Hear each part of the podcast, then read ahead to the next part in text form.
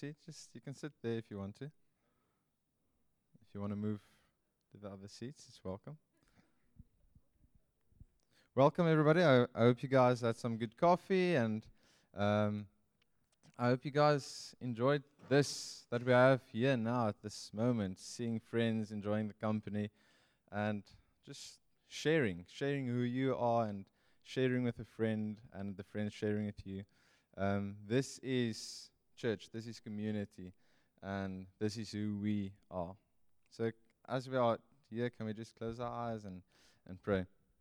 God, thank you for, for this moment, for, for us being here. I know you have a message for each and every one of us. And I ask that as we sit here, God, tonight, as we sit here, that we will be here and listen to your voice, listen to what you have to say to us. God, thank for your love, for your grace, and help us to be your hands and feet in this world that needs it. I pray that we will put our, our, our worries aside for now and focus on you. Amen. All right. I want to read a part out of Luke tonight for you. It's Luke 14 25 to 30.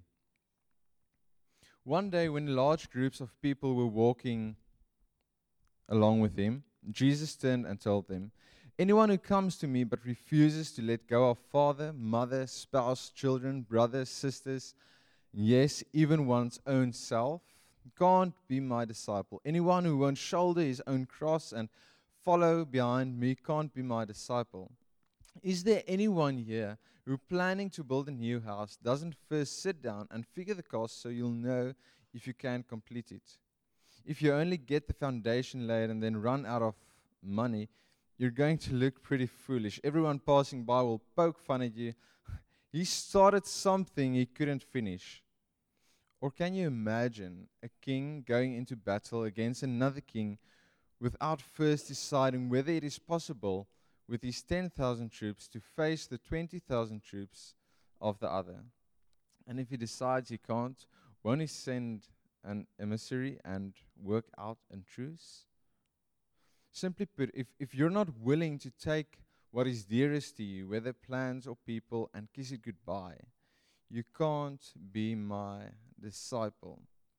Now, I have this picture of Jesus walking with, with his the 12 disciples and they're walking to towards Jerusalem and and in his f- and there's all these people following as well because they've seen Jesus doing miracles and they're like flabbergasted with with who Jesus is and what he's what he's busy doing. He's healing people and he's and Jesus stops and he looks around and he's like, guys, this is not just to his disciples, this is to everybody's guys. Just listen up for for a minute. I know, I know you are excited. I know you want to follow me. I know, I know you've seen like crazy stuff happening this past few few days. But just listen up. If you really want to follow me, if you want to walk in my footsteps, there's going to be a few sacrifices that you're going to have to make along the way. There's going to be some stuff in your life that you're going to have to lay down. And even yourself, you go, you're going to leave yourself behind. And, and this happens while Jesus is on his way to, to, Jer- to Jerusalem to, to be crucified, right? To sacrifice himself. So, so he's at this point in his life, he's, he's quite serious and he knows what's coming and he wants to get this message over to the people, and they have to know that if they want to follow him, there's going to be a tough road ahead. So at this point, it's facts. Now, whenever we hear the word sacrifice, it has a, it's, it's a bit of a negative word. It's like, ah, sacrifice. What is Matthias going to say now about sacrificing? I, I sacrifice so much. Like an, an example, me and Piet is training for a running event that's next weekend, and this past few months, I had to sacrifice my Saturday morning sleep. Now that's that's terrible. It's like Saturdays is the one morning of the week I can actually sleep late. Because during the week, my wife wakes me up at like half past five or six o'clock, and Sundays I have to be uh, at seven o'clock for a huddle, and Saturdays is my morning. I am sleeping late, and I, now I have to sacrifice this as, as well. Sacrificing sleep is one of the biggest sacrifices I made probably this past few months. And then, of course, there's like parents. If you make a decision to have children, you already are in a mindset of, I'm going to have to make a few sacrifices in our life. Because if we don't make a few sacrifices, well, then the kids might pull on the the kortste end. But if if you don't want to sacrifice, it's fine. I think the kids will still grow up just fine. So, uh, thank you, Piet, for laughing.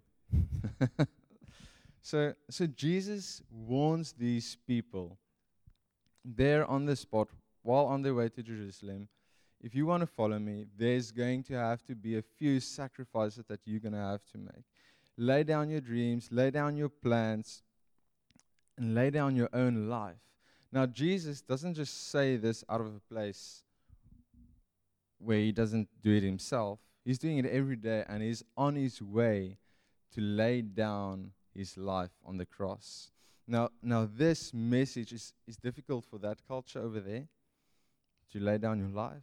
It's difficult for us, and it's going to be difficult for the generations to come because we are people who live for ourselves, right? Everybody lives.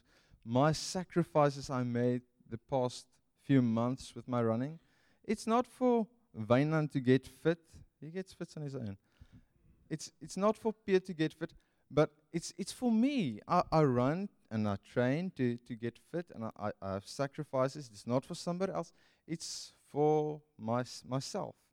Now, we go to school, we get an education, we are told to, to, go, to go to university to further to do your studies further, and to get a good job, because if you get a good job, you can get good salary, and maybe perhaps two times a year you can go on a holiday, nice, relax back. Otherwise, you just have to work. You put in extra hours at work. Maybe the boss sees you and you get a promotion. And we do this all for, for ourselves. Now, I don't have a problem, and I don't think anybody has a problem with you doing good at your job. I think Piet wants us to do better at our job. But I have a problem with us chasing this word success. We are chasing it every single day. And that's unfortunately it's the way we are brought up that you must be good. You you must do well and you must succeed and that's the way we grow up. Now our, our culture tells us to to climb this ladder of success, to go up and up and up and up. And Jesus says, just take a second and, and get down from that ladder. There's people on the ground floor that can't climb up this ladder with you. And please just be with them. So you have to get down from that ladder and help these people on the floor. Now, when I read Mark 1, verse 16 to 18, it's where, where Jesus called his, his disciples. Passing along the beach of Lake Galilee, he saw Simon and his brother Andrew net fishing. Fishing was their regular work. Jesus said to them, Come with me. I'll make a new kind of fisherman out of you. I'll show you how to catch men and women instead of perch and bass. So they took their nets and followed Jesus.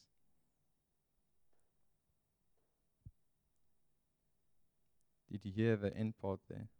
It's not completely correct. Huh.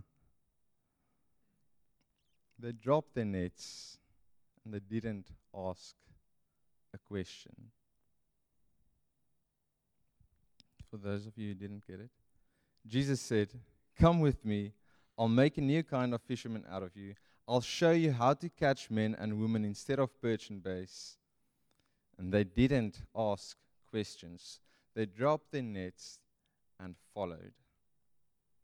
They just quit their jobs right there, right then, and follow Jesus. Jesus comes along and calls them to follow. They leave everything, literally everything they have, they leave it behind and they follow him. Now, these are the guys who Jesus came to call. Now, these guys are the guys who didn't make it in school, who didn't get the A plus, who wasn't chosen by any rabbi to follow them. And Jesus came and said, You are good enough, so come and follow me. And for them, that was wow. I, I know I, I know I'm busy with my family business and that's all I have, so I have to succeed at this. But here's a rabbi who is calling me, so so let's leave this behind and let's follow this rabbi because this is my chance. I have to follow a rabbi. So for them, it was such a such a big honor to to be called by a rabbi. Now they didn't know Jesus at that time. They didn't know who they was, but he was a known rabbi.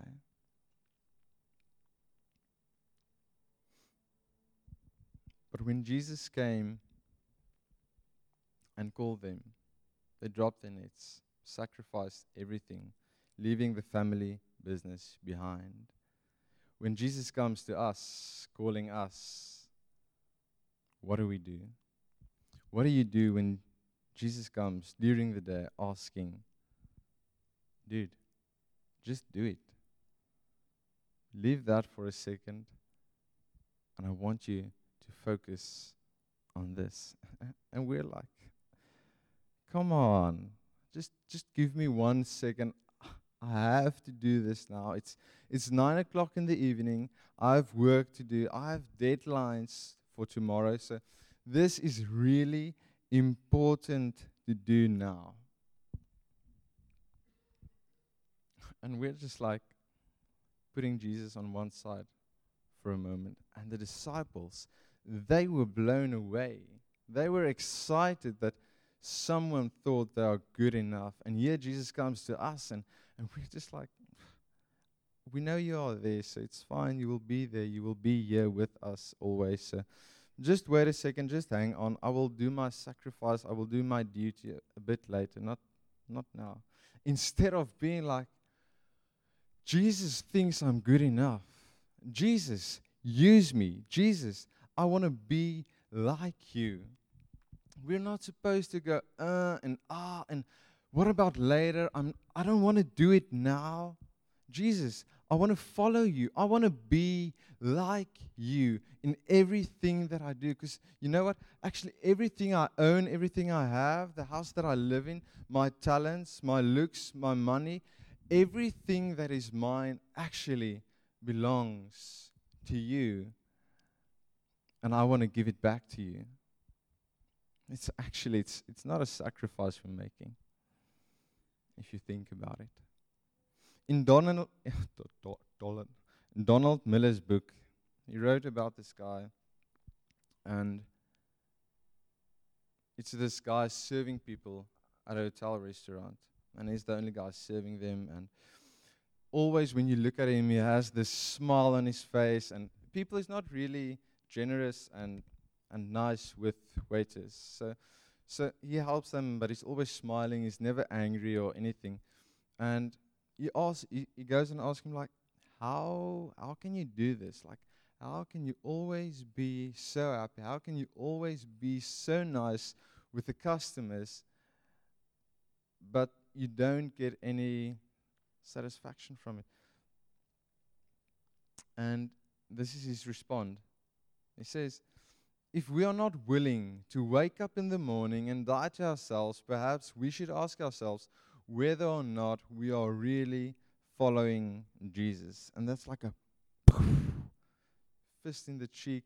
The answer. Just just chew on that. It's if you're not willing to die to yourself every single day, are you really following Jesus? Am I really following Jesus? In the way we are living, in the way we are thinking, the things we are doing every single day, where we are walking, what, what, what is our goals? What, where do we want to go to? Is it so that I can climb the ladder up, or am I busy helping people on the ground floor? Now, my grand recently passed away, like recently, two months ago, I think, and my my my uncle in a wheelchair lived with her. So now he's he's on his own. He's living alone. There's someone living with him, but she's in and out with work. And my mom decided that she's gonna, on a daily basis, go see how he's doing, help him with what he needs. Um, and a guy in a wheelchair, there's a few things that he needs on a daily basis. So there has to be someone with him. And he doesn't want to move out of the house, and, and we can't force him to go somewhere. And she goes on a daily basis and helps him. And in the time my grand died, the lady across the road from my mother, their neighbors, she she injured herself. She's like in her 90s, like 94, 95. So she's really old. And she injured herself. And my mom has to play nurse at her house as well on a daily basis. And with that comes my brother and the sister and their children. And they drop them off every now and again at my parents' house. And with that, my mom also has her normal chores she has to do. And I, I just look at her and, and I think, wow, she made a decision a long time ago, decided she's going to lay down her own life.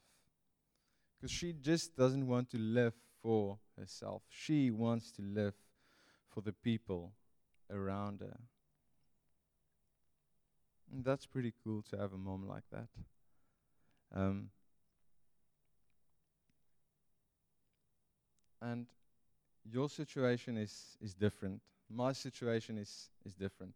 I don't even really know who our neighbors is, so I won't go play nurse over there randomly.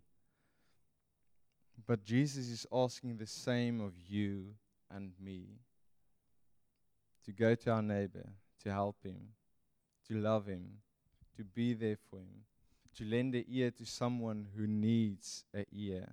We are not supposed to, to just waste our time. I say waste, but it's waste. Just to waste our time on ourselves every single minute of every single day. And I know family, really, it always takes a lot of time. Children, parents, brothers, sisters, they take a lot of time to keep everybody happy. And the biggest excuse in our, in our world probably is, you know, I have no time. My, my daughter takes all my time. My son takes all my time, and I sacrifice my whole life for them. Your whole life can't just revolve around those three, four, five people in the house. Here's a community of people. There's people in the streets that need your help, and you can mean something for them if you are just willing to sacrifice 30 minutes of your PlayStation game, one hour of your sleep, and just be there for them. Have you ever sacrificed time listening to someone? Yeah, just say, I'm going to drink some coffee and listen to you. Not even coffee. Just sit there after church, after this, and listen to someone. Listen to what they have to say. Can you hear the hurt in their voice? Are you really there with them in that moment? You change their life if you did that. If you just listen to someone. Have you ever sacrificed a few hours lending a hand somewhere, helping someone with something? It was awesome to see Saturday. We had the spring cleaning day, and there was, I think, like 25 people together getting their hands dirty, cleaning windows, vacuuming, brooming, um, everything. And they didn't do it to, to get seen or to get paid. They sacrificed time of their day to help this place look spectacular. And it, we had a good time. Doing it together as a team. We really, we really did. Now, you might think that giving your time, spending time with someone, listening to someone, it doesn't matter because no one really cares. But I can testify about this. I can really tell you that people listened to me, and that changed my life because I knew people were actually listening to me. It, I want to say it gave me worth, but I knew that I was important. I knew that I was loved, not because they listened, but because of what was said to me. When you sacrifice yourself immediately, there's more purpose to your life. When you sacrifice, when you leave everything behind, and you say, Jesus, use me, here I am, immediately you give purpose to your life. as followers of Jesus, as church this year, we are supposed to lay down our lives, to lay down our dreams every single day. And with that, love your neighbor as you're loved by the God who created you. If we do this, if I do this, and you do this, we will see change happening, not just here as you go out to your work. You will see change happening. And that's it. God, we are here tonight. We don't know what to sacrifice. It's easy to say, Jesus, take my life. I give it all to you. But it's in our actions. It's in what we do every single day. It's it's how we cooperate with people around us. It's it's how we love. It's how we reach out. It's how we not just focus on our own problems. It's how we focus not only on our own dreams and our own goals but actually to help someone reach their goal god help us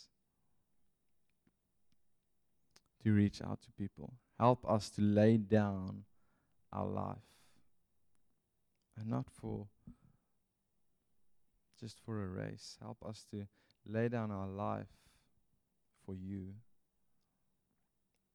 And let us see how the world around us changes and how people get closer to you. I pray it in Jesus' name. Amen. It is now a time of communion. Seven minutes. There's juice and bread. It's his body, his blood. A sacrifice he made for us so that we can live. So he's not asking you to sacrifice and he didn't go through it. He went through this whole process and he showed us how to sacrifice and how to do it fully seven minutes, sit with Him,